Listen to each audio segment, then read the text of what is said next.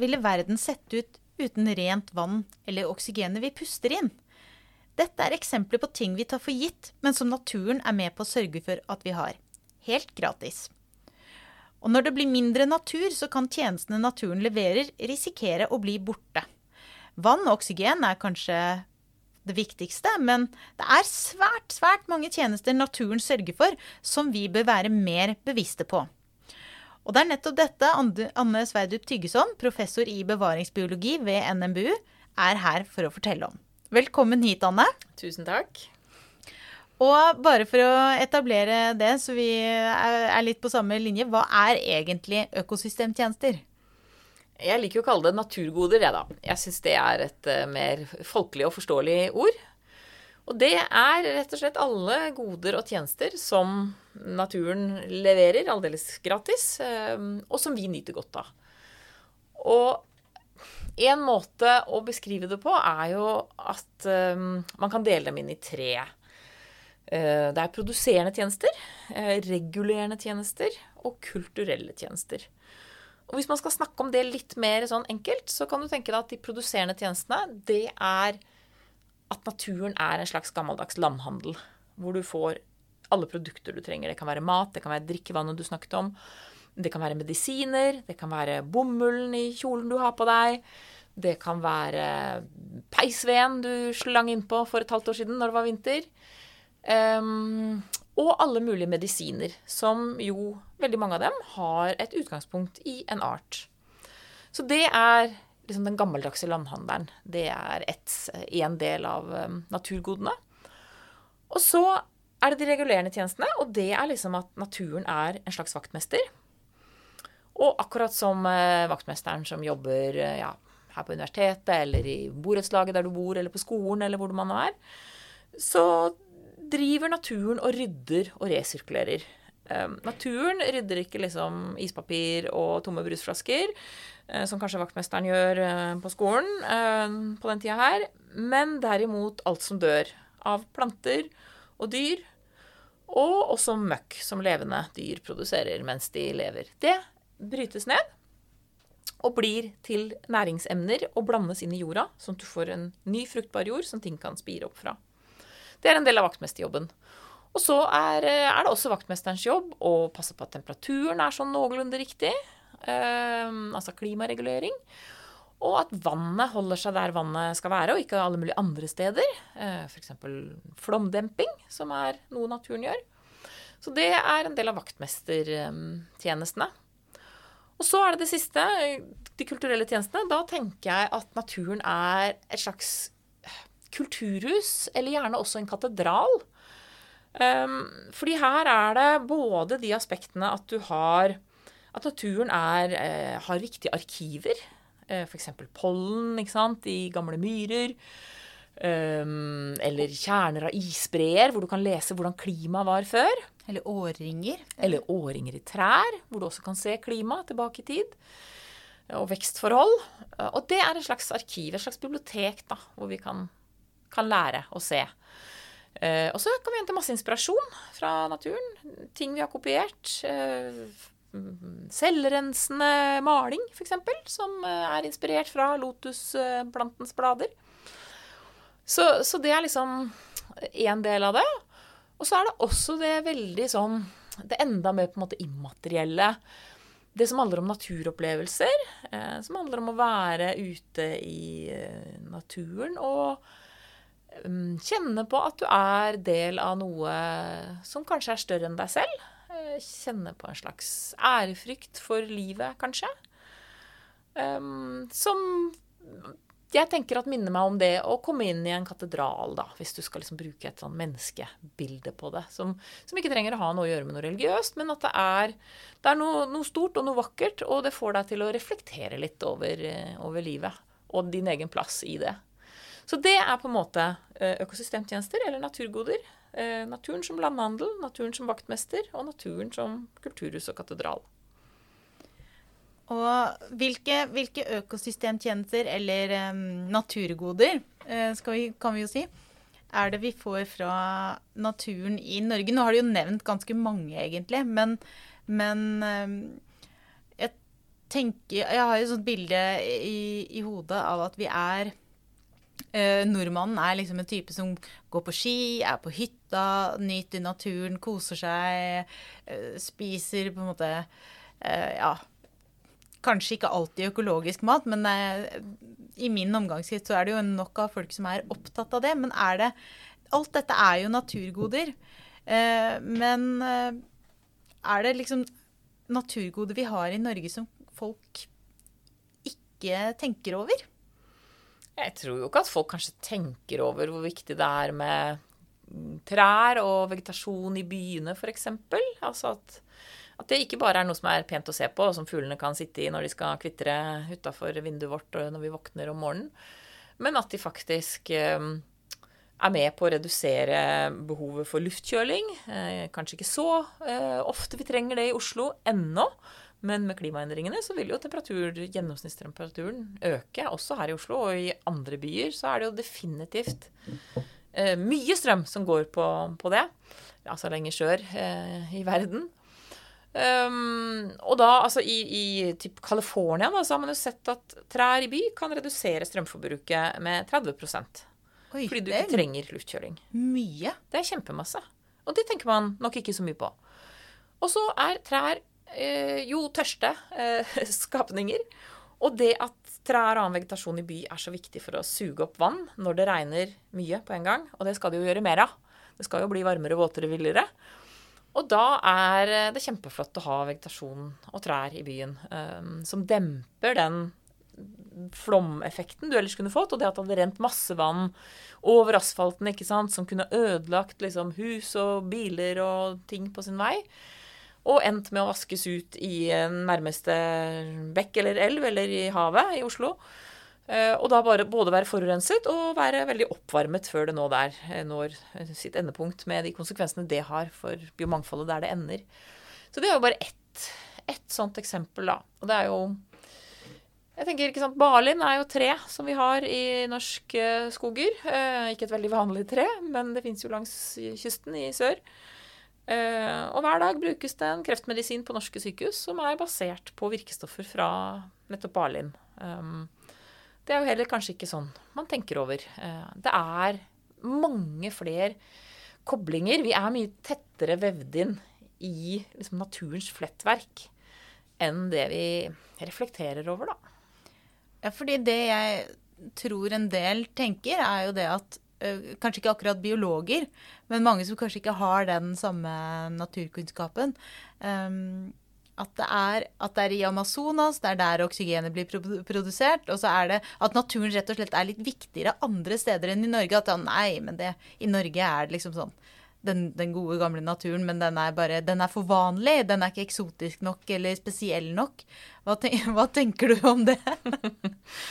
Nei, altså For det første, det er jo ikke i Amazonas at oksygenet produseres, da, bare så det er sagt. Det er jo i havet. det er jo, altså Halvparten av oksygenet produseres i havet, og det er antagelig der mesteparten av det overskuddet som vi puster inn, eh, kommer fra. Da er det jo noen små grønne dingser. Eh, som flyter rundt der eh, i overflatevannet og sørger for at, eh, at vi kan, kan, puste. I Amazonas og i alle skoger som er sånn noenlunde i balanse, så vil de produsere omtrent like mye oksygen som de forbruker. Um, både fordi trærne og plantene selv puster, og fordi at det brukes oksygen når det brytes ned igjen. Men, men altså, jeg tenker jo at vår norske natur er, er fantastisk. Tenk bare på alle insektene vi har her hjemme, som Eh, altså, Du trenger jo ikke å dra på safari. Du kan bare gå over din egen dørstokk og begynne å kikke litt. ikke sant? Under steinene, under barken på døde trær, eh, i blomstene langs veikanten. Og hvis du først begynner å kikke inn i den verdenen der, så vil det altså bare åpenbare seg en fantastisk kilde til morsomme historier og vakre små skapninger med de underligste livshistorier. Um, det er bare å begynne å se. Det er bare å liksom ja, åpne øynene for, uh, for det. det er, uh, altså, på slutten av den forrige boka med 'Insektenes planet' så siterer jeg en kanadisk insektforsker som sa noe sånt som at verden er så rik på små undre, men så fattig på øyne som kan se dem. Og det tenker jeg, det er det utrolig mye sant i, altså. Um, ja, så vi må fint. bare begynne å se. Det er veldig fint sagt. Ja, jeg syns også at det er et flott sitat. Han studerte vårfluer, tror jeg. Eller var det døgnfluer? Vårfluer, tror jeg. Men eh, er det i, i vår vi- norske natur Er det noen av de fare, eh, tjenestene vi har, som, som vi står i fare for å, å miste? Ja, altså Saken er jo at alle disse mm, naturgodene, de um, er på en måte forankret i artsmangfoldet. Det er jo artene som pusler og rusler uh, liksom, med sine små liv, og som gjennom mm, det skaper disse godene som vi er så heldige å nyte godt av. Og, og når vi ser uh, store endringer i artsmangfoldet, så er det klart at det har også konsekvenser for naturgodene som produseres. Um, pollinering er jo et liksom, mye brukt eksempel. Um, og da vet vi jo f.eks. Det tror jeg kanskje at Kristian har snakket om her før, i forbindelse med, med rødkløver. ikke sant? At det blir eh, Når det blir færre av de tungene, langtungede humlene, så blir det verre å produsere frø fra rødkløver. Det er jo et sånn veldig liksom, en, konkret eksempel som er lett å se, fordi der høster vi de frøene til slutt, så vi kan på en måte måle og veie hvor mye det blir. Mens mange andre steder i naturen så ser vi jo ikke de endringene like godt. Um, fordi de skjer litt i det skjulte, og de skjer over tid. Sånn at vi på en måte venner oss til det. Men la oss ta elvemuslingen, da, som er en annen fantastisk norsk art. Uh, som jo er en av svært få organismer, kanskje den eneste norske, som har eh, fått lov å skifte navn, eh, få ny identitet, eh, fordi den var, dens liv var truet. Det er jo sånn som politiet av og til gjør med mennesker. Um, men elvemuslingen het jo før elveperlemusling. Og det er fordi at i hver tusende musling så er det en perle, og hver tusen av de perlene igjen er brukende til noe som helst. Så de har jo vært høstet i gamle dager. Um, og hvis du reiser til Trondheim og ser på kronjuvelene, så vil du se at i arveprinskronen så sitter det altså en norsk elveperle, muslingperle, i, i tuppen av hver takk av de åtte takkene der. Så det, når, de, når det åpner igjen i Trondheim, så kan man dra og se, se på de. Um, og elvemuslingen den er jo altså en musling som lever i ferskvann. Uh, den har en utrolig sær måte å leve på, fordi den eh, lever som barn. Eh, altså liksom barnehagen dens er altså inne i si, gapet på laksefisk som svømmer i elva. Eh, larvene til elvemusling er avhengig av å sitte på gjellene til laks eller ørret i en periode på ja, snaut år, før de slipper seg ned og graver seg ned i eh, grusen i bunnen av elva. Eh, og så ligger de der og, lurer noen år eh, før de blir store nok til at de liksom stikker kortenden av skjellet sitt opp av eh, elvebunnen. Og én sånn elvemusling kan rense 40 liter vann i døgnet. Fordi det de gjør, er jo at de filtrerer ut snusk og rusk som de spiser. Og resultatet er et rent drikkevann for oss. Og der ser vi jo at altså, elvemusling er en av de artene som vi har et norsk ansvar for. Vi har størstedelen av verdenspopulasjonen av denne arten. Eh, Og vi ser at i veldig mange av de elvene hvor denne ennå fins, så sliter de med forgubbing. Disse små muslingbarna, som da har gravd seg ned etter å ha vært innom barnehagen på en laks, ehm, de sliter med at ehm, de rett og slett blir kvært der nede.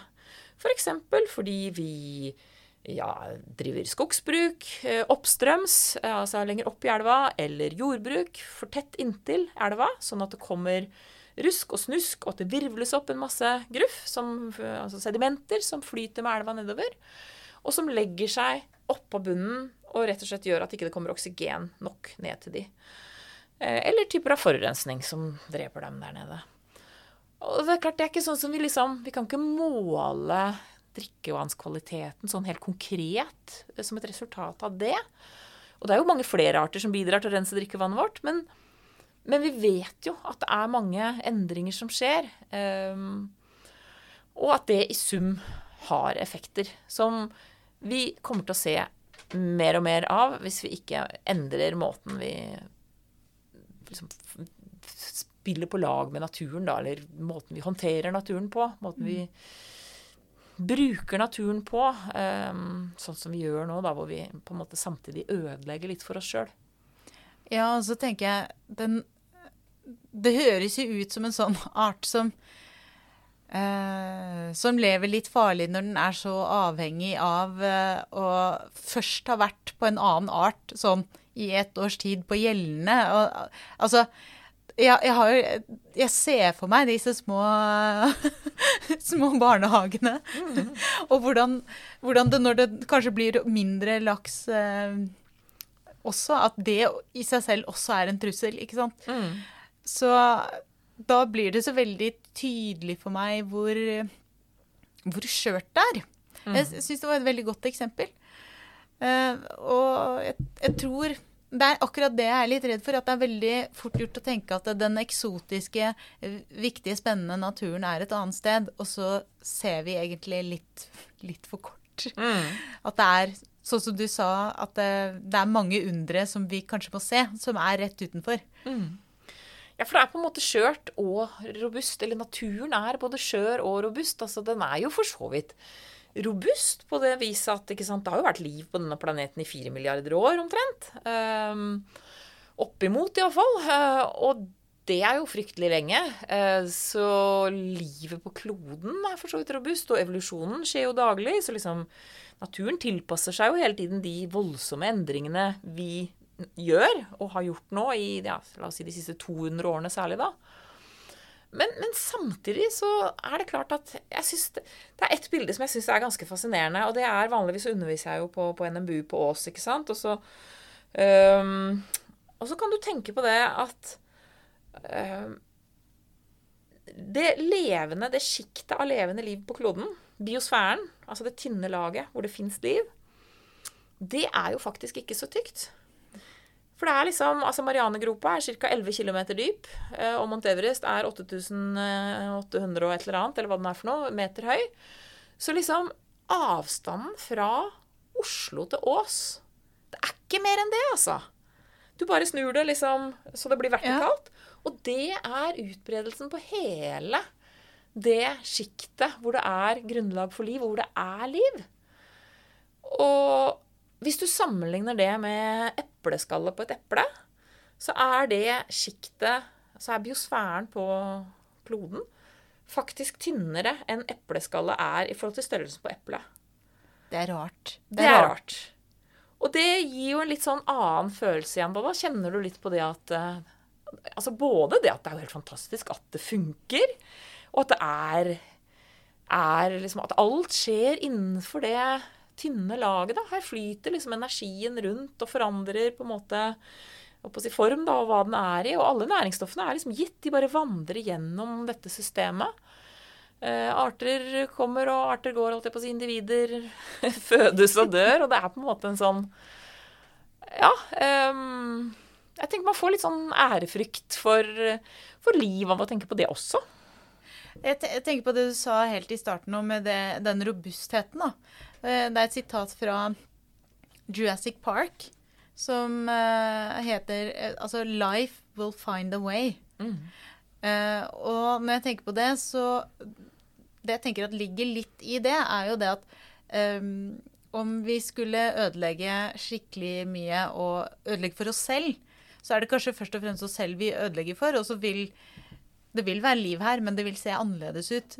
Um, og vi har ødelagt veldig mye og virkelig kan vi, vi, er i en posisjon til å ruinere ting. Men samtidig så er det noe med at jeg tror ikke vi klarer å utrydde alt liv. Det Nei. tror jeg ikke. Nei, det tror ikke jeg heller. Og liksom på de aller svarteste dagene så kan jo det være en trøst, da. At um Ja, ikke sant. Gi kloden 65 millioner nye år, så, så er det jo et, et nytt og myldrende mangfold. Men, men altså, jeg tenker jo, vi vil jo gjerne at vi mennesker skal fortsette å kunne leve her også. Og, og jeg syns jo det du sier, er eh, egentlig veldig sånn essensielt. Og egentlig syns jeg det er pussig at ikke flere tenker sånn. Og dermed forholder seg annerledes til natur, og, og bryr seg mer om natur. Fordi det går jo veldig mye utover oss selv. Man kan, eh, og bør absolutt også diskutere arters egenverdi. og det, det liksom, kan si, Vi kan si masse om det.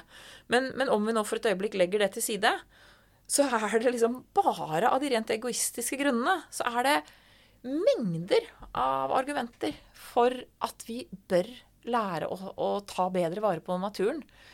Ja, jeg- jeg for vår egen at- del. Jeg tenker at det er de rent egoistiske argumentene som kanskje er lettere å ta med seg inn i en eh, La oss si en, det er valgår i år. En politisk debatt eller et eller annet sånt, hvis man skulle gjøre det, da. Um, det er i hvert fall en sånn um, en tanke jeg har hatt. At eh, naturens egenverdi, det er det veldig mange som er glad i natur, som er opptatt av. Men de som ikke er så opptatt av det, det er, det er dem man skal overbevise. Men um, ja, nå, nå, nå sporer jeg litt av fra min, uh, min egen eh, røde tråd. For det, men vi er litt inne på det også, for jeg hadde lyst til å spørre deg om hvordan tror du naturen ville sett ut uten disse tjenestene? Men det har vi jo på en måte sagt nå.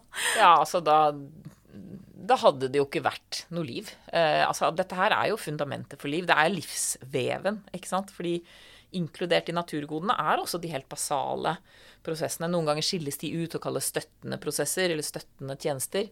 Eh, og det er jo fotosyntesen, ikke sant. Det er, eh, det er artsdannelse. Eh, det er de store næringssyklene. Eh, og altså, skulle du fjernet alt det, så, så er det jo ikke liv. Det er jo på en måte en betingelse for liv, og det er resultatet av liv. Dette her er Det er liv. Altså, Vi har jo oksygen, det er et grunnstoff, men, men vi glemmer kanskje at det, eh, når vi ikke har liv som frigjør det i, i gassform, så er det jo bundet i stein. Ja, og det var jo, det var jo organismer som i utgangspunktet eh, sørget for altså den her, eh, the great oxygenation, eh, som sørget for at det ble eh, fritt oksygen i atmosfæren som, som vi kan puste. Sånn at eh, Ja, altså det at Men det, det henger på en måte sammen, da, for det Og det er liksom det jeg tenker også med Altså Ofte så snakker vi om pollinering er lett å gripe til, særlig kanskje når man snakker om insekter. Det er det som alle liksom har et forhold til. Og blomster er vakre, de har fine farger, de dufter godt. Uh, og iallfall humlen syns kanskje folk er litt søt. Um, men så er det jo liksom den andre delen av uh, dette med insekter og planter som er minst like viktig. Og det er jo det at fra livet krabbet på land, eh, så har jo planter eh, liksom spist eh, sollys og produsert og karbondioksid og produsert oksygen og bygget opp plantekropp av det karbonet. Og når det, den planten døde, så måtte det nødvendigvis være noen små organismer, for så vidt også soppbakterier, men også insekter, da, som resirkulerte den døde plantekroppen til jord igjen. Og den jorden er det jo den neste planten skal vokse i. Så jeg er jo litt opptatt av å gi litt mer kred og litt mer, litt mer sånn hurrarop og, og festtaler til nedbryterne, da, eh, blant insektene. Selv om nedbrytning er noe vi forbinder med liksom, ja, liksom råte og noe mørkt og brunt, og kanskje lukter det ekkelt, og ikke veldig festlig. Jeg ser liksom for meg noe som liksom myldrer og kravler og liksom Ja, det der litt sånn mørke, ubehagelige her, rett og slett, da. Ja, og det er litt synd, fordi dette her er jo grunnlaget for liv. Og jeg syns at nedbryterne fortjener eh, flere hurrarop. For de er jo en helt sånn grunnleggende del av det å, å skape eh, den jorda som plantene vokser i igjen, og resirkulere plantene som dør, til fruktbar jord.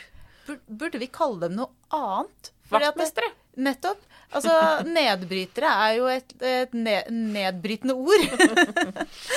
Ja, nei, men jeg snakker jo ofte om de som liksom skogens vaktmestere, f.eks., eller naturens vaktmestere. Eller gjenvinnerne. Det er litt Ja, hyggelig. gjenvinnerne, resirkulererne, ja, Ja. et eller annet.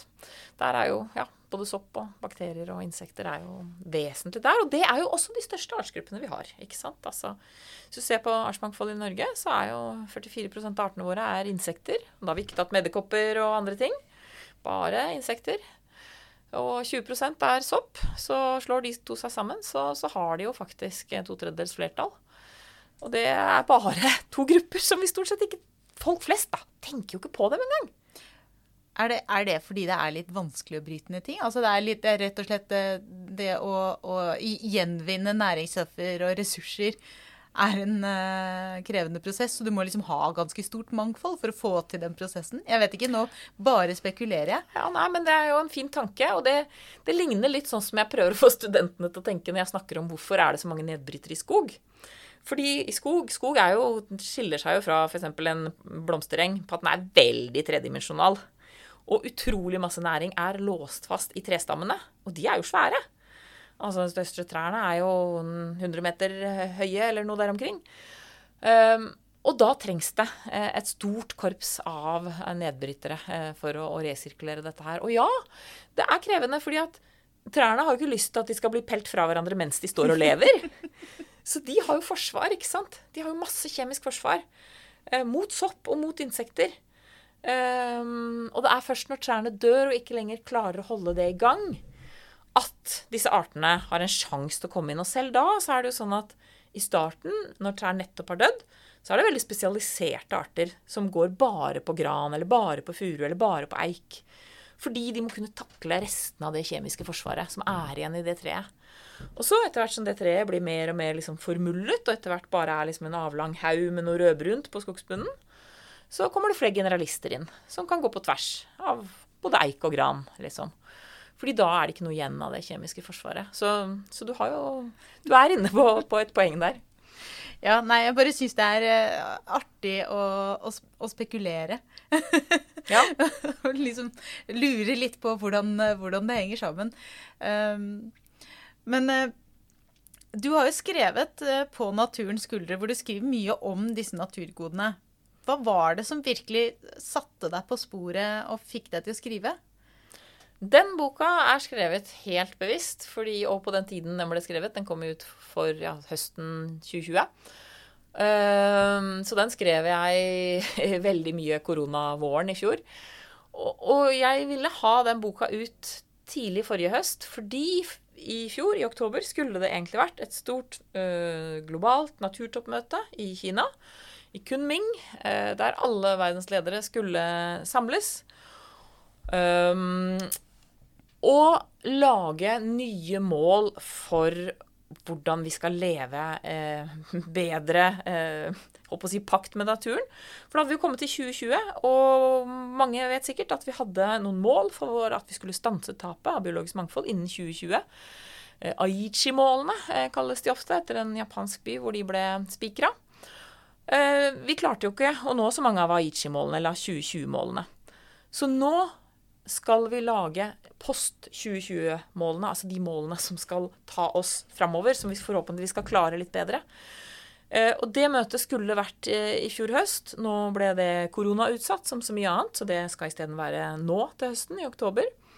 Men jeg ville skrive på Naturens skuldre før det møtet, fordi jeg jeg tenker at dette her er altfor viktig til at vi kan la bare politikere, eller for den saks skyld forskere, snakke om dette her og bestemme om dette her.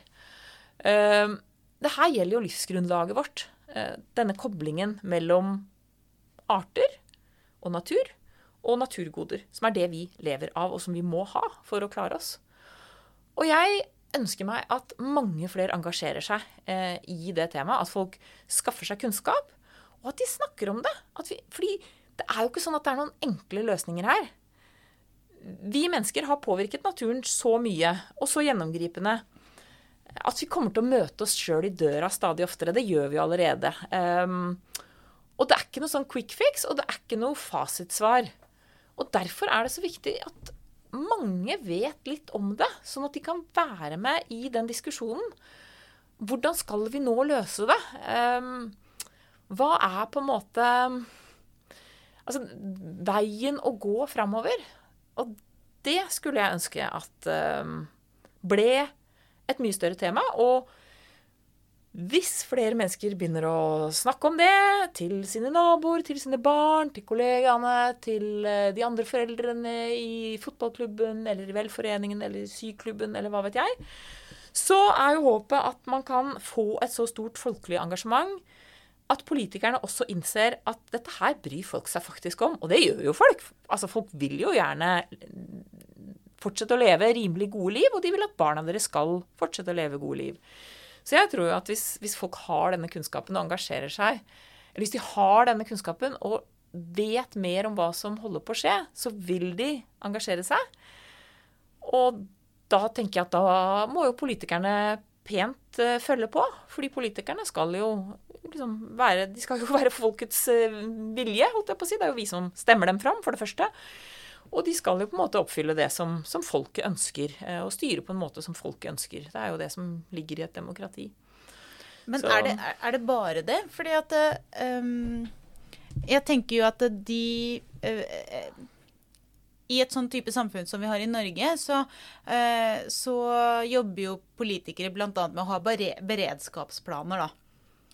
Og det å bygge ned natur, da bygger du jo på en måte ned framtidens beredskap.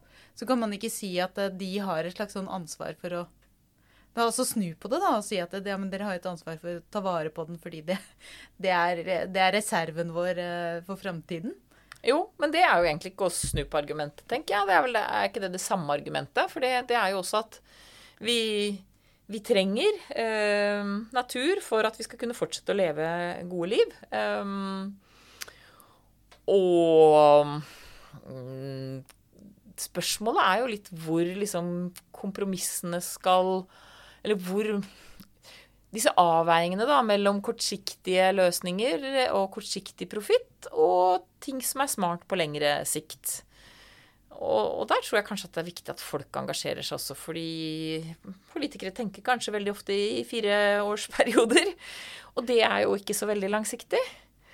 Så, så jeg tror at vi, vi trenger at flere engasjerer seg og på en måte passer på dette her. Og jeg tenker jo at Altså, ja, det er valgår.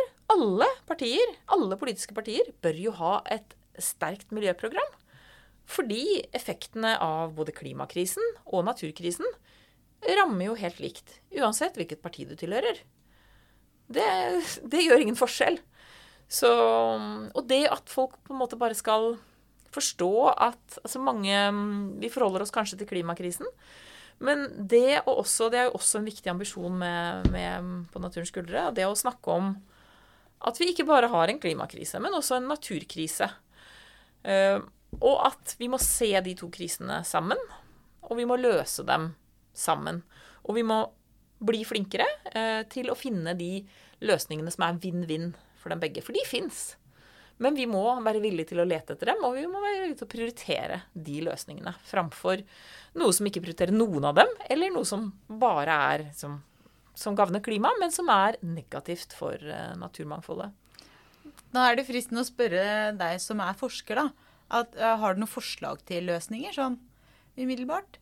Altså, Forslag til løsninger kan jo være på mange nivåer, holdt jeg på å si. Fra det liksom overordna til det konkrete. Men jeg tenker jo at vi vi må iallfall i mye større grad komme dit hvor vi eh, når det skal gjøres et eh, Når et tiltak skal gjennomføres, et større liksom, nasjonalt eller regionalt eller kommunalt tiltak skal gjennomføres, som har å gjøre med areal og arealbruk, så bør vi stoppe opp og tenke hva slags effekt har dette for klima, hva slags effekt har det for natur. Eh, sånn at vi på en måte klimasjekker og natursjekker tiltak som settes i verk før vi setter dem i verk. At vi må på en måte snu hele måten å tenke rundt det her på. Og Naturpanelet sier jo dette her veldig veldig tydelig i, i, den siste store rapporten, eller den eneste store rapporten hvor man har sammenstilt status for klodens biologiske mangfold og naturgoder. Ehm, den som kom i mai 2019, og hvor altså det som ble mest sitert i media, var dette med en million arter står i fare for å dø ut. Det visste jo vi som var biologer ganske greit fra før. Men den andre konklusjonen som også sto i sammendraget, og som merkelig nok fikk mye mindre oppmerksomhet, fordi det er en ganske sånn sterk og en veldig politisk konklusjon, um, som jeg egentlig var nesten overrasket over at ble stående der, det er at Naturpanelet sier at vi må ha en gjennomgripende samfunnsendring for at dette skal gå bra framover. Uh, og de sier også at dette her er noe som um, de etablerte kreftene i samfunnet sannsynligvis vil kjempe imot, for de er interessert i status quo. Men at vi likevel kan få det til for vårt felles beste. Og det tenker jeg det er en ganske, er en ganske sterk og sånn ja, politisk utsagn, da. Eh, som er et tydelig signal om hvor alvorlig hele den uh, veldig store gruppen av uh, forskere som satt sammen og skrev denne rapporten, og også med alle disse medlemmene fra de forskjellige medlemslandene som satt til slutt sammen med forskerne og lagde det sammendraget. Dette er essensen av det de liksom trakk fram som take home message. Det er ganske sterkt. Ja, man kan, man kan, jo lure på hvorfor de ikke på en måte gjorde sånn som med korona og erklærte krise eh, da de leste den. Jeg har, jeg har jo en annen eh, rapport eh, som jeg har funnet et lite utdrag fra. og Det er en eh, norsk offentlig utredning fra 2013. Uh, og der er det Jeg har trukket ut uh, to setninger, og det er som følger. Økosystemer er viktige for å regulere skadedyr og vektorbårne sykdommer som angriper planter og dyr, og gjennom aktiviteten til predatorer og parasitter. Det er også studier som viser at økt biologisk mangfold kan bidra til redusert spredning av sykdommer.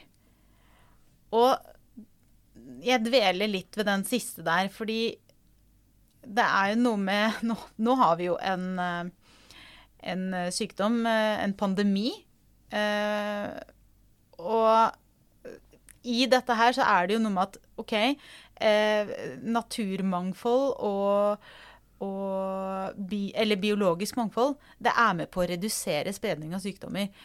Men, men, det sto i denne rapporten så står det ikke akkurat hvordan eller hvorfor. Og jeg lurer litt på det. Er det, er det noe i dette? Og hvordan er det naturen gjør det? Det er ganske kompliserte prosesser, og det er på en måte ikke så rart. Uh, for så vidt. Fordi det er liksom Altså all regulering som skjer i, i økosystemene, er jo innfløkt og, og, inkluderer samspill mellom mange arter. Men, én altså, ting er jo at når vi på en måte bygger ned natur, øh, og krymper de restarealene som er igjen, så kan man jo tenke seg hvilke arter er det som, som går først, da, som på en måte utryddes først, og som sliter mest det er ikke tilfeldig. Det, det er et system i det, eller et mønster i det. Og det er gjerne de artene med store arealkrav, f.eks., eh, som da logisk nok får problemer når det blir veldig små øyer igjen med, med liksom lite påvirka natur. Og, og, mange av artene med store arealkrav er dyr som, eh, som altså for å bruke biologuttrykk er K-strateger, altså som, har, som, lever ganske lenge, som får ganske få eh, avkom. Um, og som investerer mye i et godt immunforsvar. Bruker mye av liksom, energien eh, i livet, holdt jeg på å si. Fra de, energien de får i eh, stoffskiftet, til, eh, til det. Men så har du så, så, Og det betyr også at de er ganske motstandsdyktige mot De er ikke så gode reservoarer for, og de er ikke så gode verter for en del sykdomsbærende organismer fordi de har et godt immunforsvar. Men samtidig, det, det, de, en annen gruppe dyr, liksom R-strategene, typisk ja, ikke nødvendigvis små dyr, men, men, mange av dem er jo mindre. De har korte liv, de får mange unger. De er litt sånn tut og kjør-organismer som eh, satser på å leve fort og gæli, og ikke investerer så mye i immunforsvar. Og dermed så er de gode verter for mange sykdomsorganismer. Og de tåler jo utmerket godt. De kan til og med tjene på at vi påvirker naturen. Tenk rotter, for eksempel, da, for å, ikke for å disse de stakkars rottene nok en gang, men ok, de er liksom et eksempel som er lett å relatere til. Uh, gnagere som, som, er liksom i den gruppa der, da. Um, og dermed så gjør vår påvirkning på arealer at vi liksom forskyver forholdet mellom dyr som har ulik god um, evne til å, å være vert for sykdomsorganismer. Eh, og, og, det har jo en konsekvens igjen, ikke sant? Fordi da betyr det at eh, ok, hvis vi eh, større del av de dyrene som er der ute, er eh, arter som er gode smittebærere, så er det jo større sjanse for at vi kommer i kontakt med smitte, da. Og, og dette er ganske godt eh, etablert i forskningen etter hvert, at eh, man ser at Um, det er en økning i sykdommer som smitter fra dyr til mennesker. Um, Eh, og mm, igjen, Naturpanelet har jo eh, en egen rapport om akkurat dette her, som kom for ikke så lenge siden, halvår siden eller noe sånt. Hvor de igjen slår fast at ja, det er sammenhenger eh, på flere nivå. Kompliserte sammenhenger, ja. Men det er koblinger mellom det at vi påvirker naturen, og en reduksjon i naturens sykdomsregulerende mekanismer. Jeg syns det er rart at ikke det eh, nå, nå, virker det som at media har jo skrevet opp og ned og i mente om virus. Hvordan de ser ut, vaksiner, ikke sant. Eh, så, jeg føler at, at, eh, de er blitt skikkelig gode på det. Mm. Men dette her er liksom litt glemt, da. Ja, det er egentlig litt rart eh, at ikke, det, ja, at ikke det er fanget opp mer. Kanskje fordi det er veldig komplisert stoff. da Du må liksom skjønne kanskje litt sånn grunnleggende hvordan et økosystem fungerer, hvordan at arter samarbeider, at arter er ulike. Eh, og det gir dem også forskjellige egenskaper i forhold til å være smittebærere. Da. Men men altså, hallo, det er jo fullt mulig å, å kommunisere om det så folk uh, forstår, tenker jeg. Det ja, kommuniseres så mye annet rart. ja, men jeg tenker på hvor, hvor, gode de har blitt på R-tall, som uh, ja. før det var komplisert. Ja, det er jo, blir jo også et veldig godt argument for å ta vare på natur, da. Hvis man bruker det nå og sier, vet du hva, nå har vi vært utfor en uh, kjempepandemi. La oss prøve å, prøve å, unngå å gjøre det en gang til. Mm. Og én mulig strategi er faktisk å ta bedre vare på på den naturen vi allerede har. Mm. At det er en form for beredskap. Eh. Ja, nei, altså Det var jo interessant før korona kom. Eh, den siste rapporten fra, fra Verdens økonomiske forum som liksom lister opp de største risikoene for verdensøkonomien. Eh, de fem øverste på den lista var relatert til natur- og klimakrisen. Hvilke fem var det? Nei, det var, altså det var reduksjon i Jeg husker ikke nøyaktig formuleringen av de, men altså det hadde å gjøre med reduksjon i artsmangfold, Um, reduksjon i muligheten til disse naturgodene med um, økt risiko for uh, naturskade pga. forringelse av biologisk mangfold. Altså, vi vet jo allerede at vi mister 10% av verdensøkonomien hvert år på forringet natur. Sånn at Oi. vi vet at dette her har økonomiske sammenhenger. 10% Det er ja. egentlig ganske mye. Det er kjempemye. Uh, og, det, og, det, er rett og slett rent uh, tap i forhold til hva vi kunne eller burde hatt. Ja, altså det er f.eks. at vi har, eh, at er, vi har tynt matjorda så mye uh, mange steder.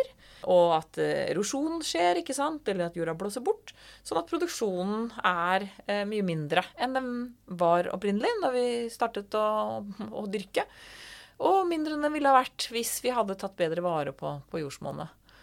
Nei, så det er på en måte Det diskuteres jo ofte liksom dette begrepet økosystemtjenester. Noen er negative eller kritiske til det fordi man kan tenke at det er feil å sette en prislapp på natur. Fordi mye av dette som skjer i naturen, er på en måte ikke mulig å sette en konkret prislapp på. Uh, Iallfall ikke liksom um, i penger.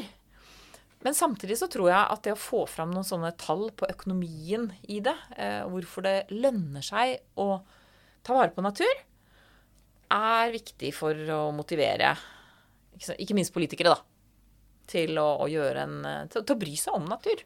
Altså Plutselig så får du en helt, eh, helt, annen yrkesgruppe over på den grønne siden. Og det er alle økonomene som ser at ja, men her er det jo Vent litt, det er penger i dette.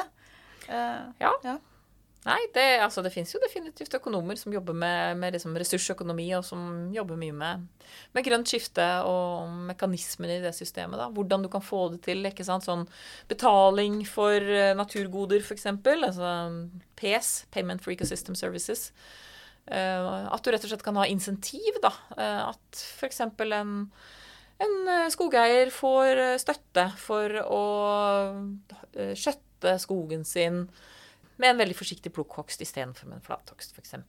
Eller drive jorda. Altså, det er jo litt sånn de fikk dette fantastiske drikkevannet i, i New York. Hvor New York bestemte seg for å istedenfor å bruke masse penger på å bygge et dyrt renseanlegg for byens drikkevann, så kjøpte de bare opp arealer eh, oppstrøms, eh, altså langs Hudson-elven nord for eh, New York City. Betalte for det, og betalte grunn, de grunneierne som, som, eide resten av arealet, for å drive på en, eh, en bærekraftig måte. Og enden på visa var at de brukte mye mindre penger enn de ville ha brukt på et nytt renseanlegg. men fikk et av USAs aller beste drikkevann. Det kalles liksom drikkevannets champagne. Og de er veldig stolte av drikkevannet sitt. Og det, det er jo på en måte noe med å se verdien i å la naturen få gjøre det den egentlig gjør ganske fint, da. Hvis vi bare lar den få gjøre det. Og det tenker Det er jo ofte sånn at Altså det er litt sånn med, med pollinatorene våre òg, da. Det er på en måte ikke all verdens de krever i retur for å pollinere åtte av ti ville blomster og alle frukt- og bærplantene våre. Noen biter med blomstereng her og der, liksom. Det er jo ikke all verdens mye å, å forlange. Det burde vi klare å, å, stille opp med, tenker jeg, i retur for, eh, for de tjenestene vi får. Jeg tenker det er 10 eh, ekstra, holdt jeg på å si, påslag eh, i økonomien, det. Hvis, og la, la, ting få stå i fred. Ja. ja, nei, og faktisk så er det sånn. Det er jo også ganske interessant. Og det var noe av det som, som var gøy når jeg liksom drev research til, til boka. Um, det var å, å lese meg opp på alle studiene som fantes av dette med uh, hvordan du kan drive jordbruksarealene um, på en mer bærekraftig måte. Og hvordan det faktisk finnes en rekke studier som viser at du kan du kan ta en ganske stor del av åkeren din, gitt at du dyrker et eller annet som trengs å pollineres, eh, f.eks., ehm, og lage blomstereng av det, eller med naturlig vegetasjon, og fremdeles få like mye avling. Selv om du har tatt kanskje 8 av, eh, av åkerarealet og lagd natur av det igjen, så får du samme avling ut, og du taper faktisk ikke penger. Og det er jo da fordi du får bedre pollinering av den avlingen, eh, og du får også kan også nyte godt av igjen, naturens skadedyrregulerende prosesser. Altså, da kan det være rovinsekter som bor i denne kantsonen, som er med på å begrense utbruddet av, av, skadedyr i, i åkeren. Blomsterfluer f.eks. Er, er jo eh, en sånn type insekt som, eh, hvor de voksne pollinerer. Eh, kjempeflinke pollinatorer. Det er jo disse fluene som later som de er veps, noen gule og svartstripede, men som kan stå stille i lufta. Og larvene deres er noen aldeles råskinn til å spise bladlus. Det er enorme Det er tonnevis eh, med bladlus, eh, er det estimert, i, i Storbritannia. Som spises hvert år av bare noen få arter av blomsterfluer som kommer flyvende til liksom, England hver vår. Så. Ja, det, det, er jo på en måte også et eh, slags eksempel på en sykdoms- eller eh, parasittregulerende faktor. da. Bare det å ha en, eh, en eh, li, lite areal til rett og slett litt sånn viltvoksende, uregulert uh, natur. Mm. Mm. Uh, og så har du plutselig mye sunnere planter og får like mye avling igjen. Og da er det Det fremstår for meg som et lite mysterium hvor, hvorfor ikke flere gjør det. Ja, nei, det kan du si. Um, om det er fordi kunnskapen ikke er godt nok kjent, om det er fordi systemet ikke er rigget godt nok til å legge til rette for det. Um, jeg lurer jo i grunnen litt på det samme, så jeg har ikke noe godt svar. Men uh, jeg tenker at man må i hvert fall fortsette å liksom snakke om det, da. Og gjøre det klart at det, at det, er sånn. Og generelt så vet vi jo faktisk det ganske så godt i økologien at en, et intakt, artsrikt øh, økosystem er generelt mer robust. Uh, og det, det, går på veldig mange ting. Det går på både å være robust altså det, Da er det systemet Det blir bedre pollinering der. Det blir flere naturgoder. da, Høyere nivå på naturgodene. Enten det er produksjon av noe, en avling, en, eller en, en type, type, avling. Um, eller det er pollinering. Eller det er resirkulering av næring. Eller det er liksom motstandskraft mot endringer. F.eks. klimaendringer. Og der er vi tilbake til dette her med at naturkrise og klimakrise henger sammen. Så hvis vi sikrer en eh, variert og intakt natur, så har den flere arter å spille på når klimaendringene slår til for fullt. Og da betyr det at da har den noen arter som kanskje er flinke til f.eks. å pollinere da, når det regner. Og noen som er flinke til å pollinere når det er steikvarmt. Uh, mens hvis du har forringet den naturen, og du bare har noen få generalistpollinatorer igjen, så er kanskje ikke de så flinke til verken å fly og pollinere når det regner, eller når det er veldig varmt. de er liksom sånn der middels gode over hele fjøla. Og så har du mistet alle de som er kjempegode i noen spesielle forhold. Og da er det ganske sånn egentlig intuitivt da, at, eh, at det blir mer sårbart, og at det blir både lettere liksom kommer ut av på en måte balanse, eh, og at det er liksom vanskeligere å få det tilbake igjen. Det er dette som liksom heter eh, enten resistance, som liksom er hvor lett et system kommer ut av eh, balanse med gåstegn på, eller resilience, som er hvor lett det kommer tilbake igjen. Og begge de to begrepene er liksom innbygd i det med robusthet. da. Um, og dette her er jo dette er noe vi vet fra mange, kjenner fra mange systemer. Og, og, det vi også vet, er at hvis vi pusher systemene for mye, sånn at, liksom, at de kommer ut av den liksom fasen de er i, så kan vi få sånne faseskift. Hvor f.eks. en skog får så lite nedbør at den bikker til å bli en savanne. Og liksom, det er jo en av de store skrekkscenarioene, at det skal skje i Amazonas f.eks. Eller for korallrevene i havet. At vi påvirker dem så mye at, de, at, vi får korallbleking. Altså at disse symbiontene som bor inni koralldyrene, at de stikker av, og korallene dør. Og da, da er det liksom en endring som ikke kan gjøres særlig lett om igjen. Da har vi fått et nytt system som ikke lar seg liksom vippe tilbake. Så det det er jo det vi bør unngå, da. Og, og, problemet er vel kanskje at man aldri vet hvor den uh, tålegrensen går.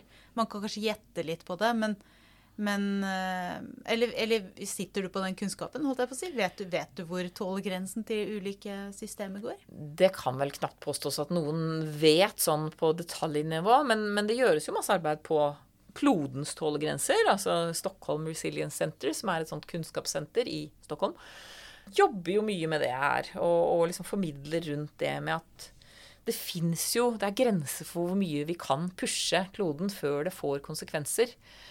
Og det er jo også et poeng å skjønne at fordi om det har gått bra en stund, så betyr ikke det at det går bra i all evighet.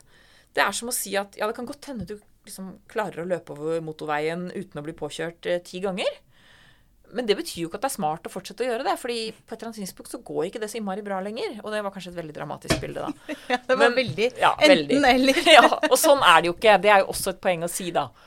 Um, og det er på en måte Det er jo en fordel, det, da, at ikke det kommer til å bli en sånn der Hollywood-katastrofe i overmorgen. Um, men at det kommer til å bli gradvis forringet.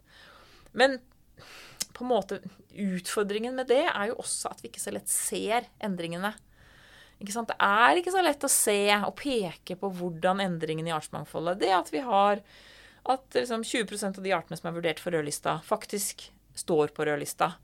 Eh, Ca. 11-12% av dem er truet. Altså 11-12% av de artene som er vurdert for rødlista, står som truet.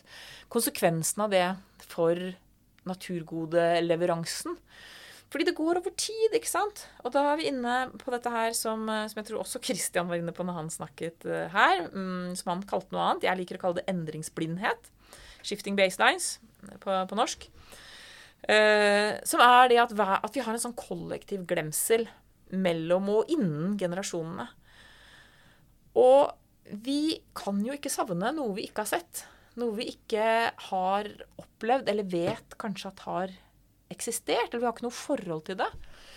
Sånn at eh, kanskje du, hvis du har fisket i Skagerrak eller Oslofjorden som barn, eh, nå kan tenke at oi, jøss, det er sprøtt at ikke jeg får noe fisk der lenger. Men sant, neste generasjon, våre barn igjen, de vil aldri ha fisket torsk i Oslofjorden. Så de kommer aldri til å savne det heller. Og på den måten så får du en sånn forskyving for hver generasjon. Og utfordringen med det er at hvis vi da i dag skal på en måte vurdere hvordan står det til i Oslofjorden, eller hvordan står det til i skogene våre, så har vi litt sånn vondt for å finne liksom, det riktige referansepunktet å sammenligne med. Og det er selvsagt ikke sånn at det er et magisk punkt i, i tiden som er det rette punktet. Men, men, men, likevel, greia er at det har skjedd så mange endringer på noen få generasjoner nå. Og hvis vi ikke ikke tar det inn over oss. Det er f.eks. Med, med død ved i skogen. Um, det er et godt eksempel. Fordi død ved er et kjempeviktig levested for mange arter i skogen. Der lever en tredjedel av alle norske arter i eller på døde trær. Og hvis jeg bare forteller deg at de siste 100 årene har det blitt tre ganger mer død ved i skogen, så høres det jo fantastisk fint ut. Ja, det, når du legger det fram sånn. Ja, da høres det ut som at alt er eh, på stell, og alt er på vei i riktig retning. Men hvis jeg så forteller deg at for 100 år siden så var mengden død ved på et absolutt nullpunkt etter rovhogst gjennom 1800-tallet. Eh, sånn at da var det nede på et skikkelig lavt nivå. Så ja, det har bygget seg mye opp. Men fremdeles, i dag, så er mengden død ved i norsk skog rundt 15-20% bare av det den ville vært i en urskog. Ja. Så får du et helt annet bilde av hvordan helsetilstanden i skogen i dag er. Ja, for hvis vi eh, satt, på spissen, hvis vi velger referansepunkt istiden, så står det jo bra til. Ja, det gjør det jo, for da var det tre kilometer is over huet på oss her. Så, så ja. Ja, og det er jo langt tilbake i tid. Så det er jo et godt poeng det du sier med at det, det er ikke så lett å velge riktig referansepunkt når vi skal sammenligne eller finne ut hva, hva er liksom et sånn riktig nivå Ja, hvordan står det til? Uh, og det Ja, det må jeg si. Det, jeg er nysgjerrig på hvordan dere går fram uh, for å gjøre det. Nei. Nei, men jeg tenker altså liksom Poenget er jo ikke liksom å peke på et sånt ja, magisk sted på en tidslinje. Uh, og dette er jo en av mange ting som, som, vi bør diskutere, liksom. Som vi bør snakke mer om. Men poenget er jo likevel at liksom, artene i skogen vår f.eks. har jo definitivt evolvert. De har utviklet seg, og de er tilpasset et landskapsmønster av skog som er veldig ulikt det vi har i dag. Med eh, flatehogster og veldig tette bestanden eh, på vei opp, til det igjen blir flatehogd. Hvor det liksom er små øyer av eh, naturskog som ligger igjen i de liksom mer sånn remote areas, langt fra, fra vei og utilgjengelig til, med mye kulturskog imellom. Og det er jo en ganske ny eh, endring. Så ja, vi har påvirket skogen i mange, mange hundre, for ikke å si tusen år i, i Norge. Eh, men likevel, det er jo først de siste altså, ja, par hundre årene at det virkelig har vært At vi har endret hele liksom, landskapsmønsteret så gjennomgripende. Og, og, det har noe å si, fordi at det betyr at eh, Uh, det er vanskelig å snakke om arter som har god eller dårlig spredningsevne. Det syns jeg alltid er litt snodig når folk gjør. fordi at en god eller dårlig forhold til hva? Poenget må jo være å relatere hvordan ser landskapet ut i dag i forhold til hvordan det så ut uh, før vi påvirket landskapet mye. Altså la oss si 1500-tallet, da. Hvis du nå er en sopp som liker å leve i en, en uh, ganske sånn halvråtten, eller langt nedbrutt, da. granstokk på bakken. En granlåge så var det jo den gang da ganske tett mellom sånne stokker. Og det betyr at de artene har eh, ikke trengt å, å, utvikle veldig mye. De har ikke trengt å bruke eh, mye av energien sin på å utvikle gode spredningsstrategier. Da er de kanskje ganske flinke til bare å fly noen meter. Eh, eller det er jo sporer, var det nå, da. Så, da. så da har de tilpasset det. At ok, de sporene blåser utover. Um, og, og, de klarer ikke bare å komme seg fram, men også etablere seg og, og liksom få fram nye tjuker på den nabostokken. Um, hvis de ligger tett. Men når det nå er blitt så langt mellom sånne gammelskogsøyer, hvor det fins sånne gamle, mye nedbrutte stokker av gran, så er det jo ikke sikkert at det er at den sporen har en nubbsjanse til å lande på en annen sånn stokk. Fordi først så skal den jo da bli spredd gjennom kilometervis med hogstflater og tette granbestand, hvor det ikke fins noe sted for den å leve. Og så skal den lande der, og den skal fremdeles være levende, og den skal til og med møte en annen spore av samme slag for å lage noe tokjernemysel som skal bli til en ny tjuke, et nytt soppmysel i den stokken. Så på en måte Det er noe med å, å se på det poenget at arter er tilpasset et annet eh, en annen landskapsstruktur. Og det ser vi ganske godt for, eh, for vedboende sopp. da, At dette her mange av de sjeldneste artene, de rødlistede artene, de, de trenger rett og slett å ha større arealer med gammel skog og død ved rundt der de fins, hvis de skal fortsette å finnes. Mm. Og jeg syns det begrepet du sier med øyer, egentlig passer veldig godt. For det er jo noe med at vi kan jo risikere å få en sånn øy som ja, en eller annen pussig grunn da ikke har nedbrytere, eller eh, at det ikke er, vil skje noe. Og hva skjer egentlig da? Altså Blir det liggende bare, eller? Så vil det nok alltid være generalistnedbrytere til stede. Men det vi mister, er jo spesialistene. Eh, og det som eh, er interessant, det er jo at ofte så eh, har spesialistene det, det, er også noe som er en ganske ny forskning. Når man har begynt å se på liksom, hvilke jobber forskjellige arter gjør, så ser man at i en god del tilfeller på tvers av type økosystem, så har sjeldne arter en unik økologisk rolle i økosystemet. De gjør en jobb som ikke vanligere arter så lett kan ta over. Og det betyr jo at eh, ja, da blir en eller annen del av den prosessen dårligere gjennomført, da. Enten det er liksom pollinering når det, er, eh, når det regner, eller det er nedbrytning av en bestemt type eh, død, død ved. Eller en eller annen delprosess, ikke sant. Så, og da, da, igjen så har det med robusthet å gjøre, da. Vi ønsker jo liksom å ha en robust natur som skal kunne takle mest mulig ulike forhold også i fremtiden. Da er det et poeng at vi må ta vare på det brede artsmangfoldet. Og da, da, har du jo også alle disse andre eh, Alt det andre potensialet, da. I en liksom, lite påvirka natur så har du også de artene til stede som kanskje kan hjelpe oss med inspirasjon eller ny medisin eller nye liksom, ressurser til biomedisin, nei, til, bio, altså til industri på annet vis. da. Det finnes jo enzymer i vedsopp f.eks. som brukes i papirindustrien, som gjør den mindre energikrevende. ikke sant? Og, og, da er det jo smart at man har funnet den soppen da, som jo faktisk viste seg å være rødlistet. Uh, og at vi ikke hadde rukket å utrydde den, da.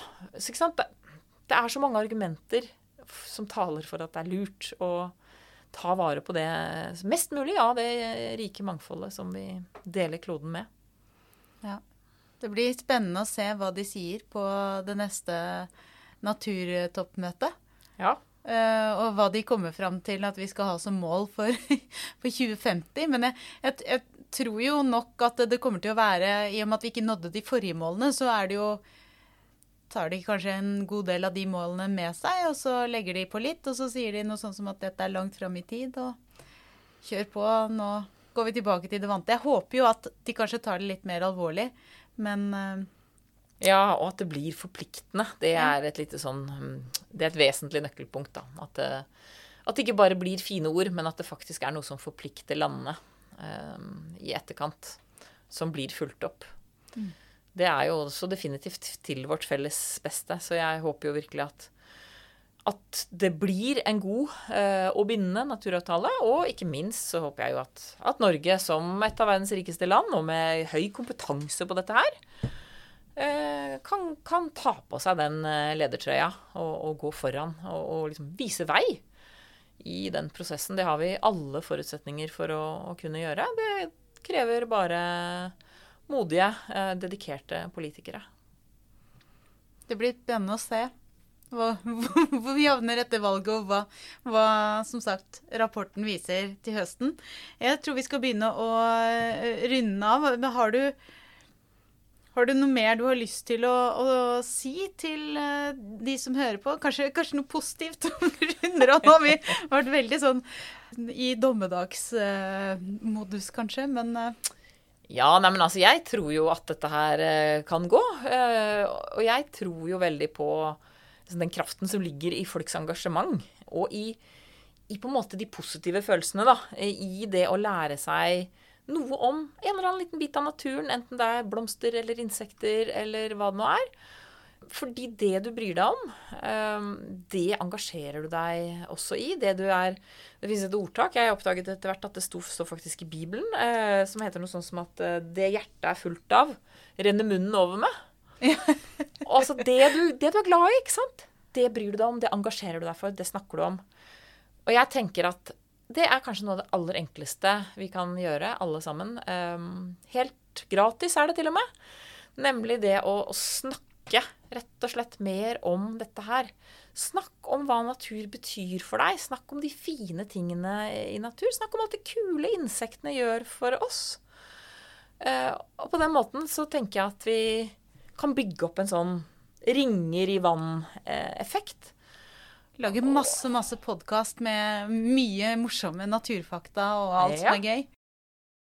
Tusen, tusen takk for at du ble med og spille inn denne podkasten. Og til deg som eh, lytter til dette, Hvis du har tips eller ideer, så er det bare å ta kontakt med oss på biopodden. Alfakrøllbio.no. Vi høres.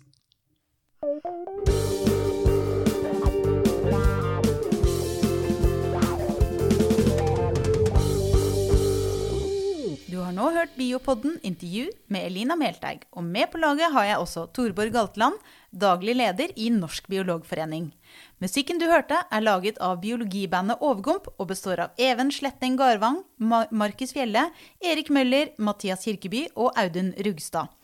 Fortell gjerne om podkasten til venner og kjente, og gi oss tips og tilbakemeldinger på e-posten biopodden at bio.no. Og hvis du vil støtte oss, er du hjertelig velkommen som medlem av Norsk biologforening. Vi høres!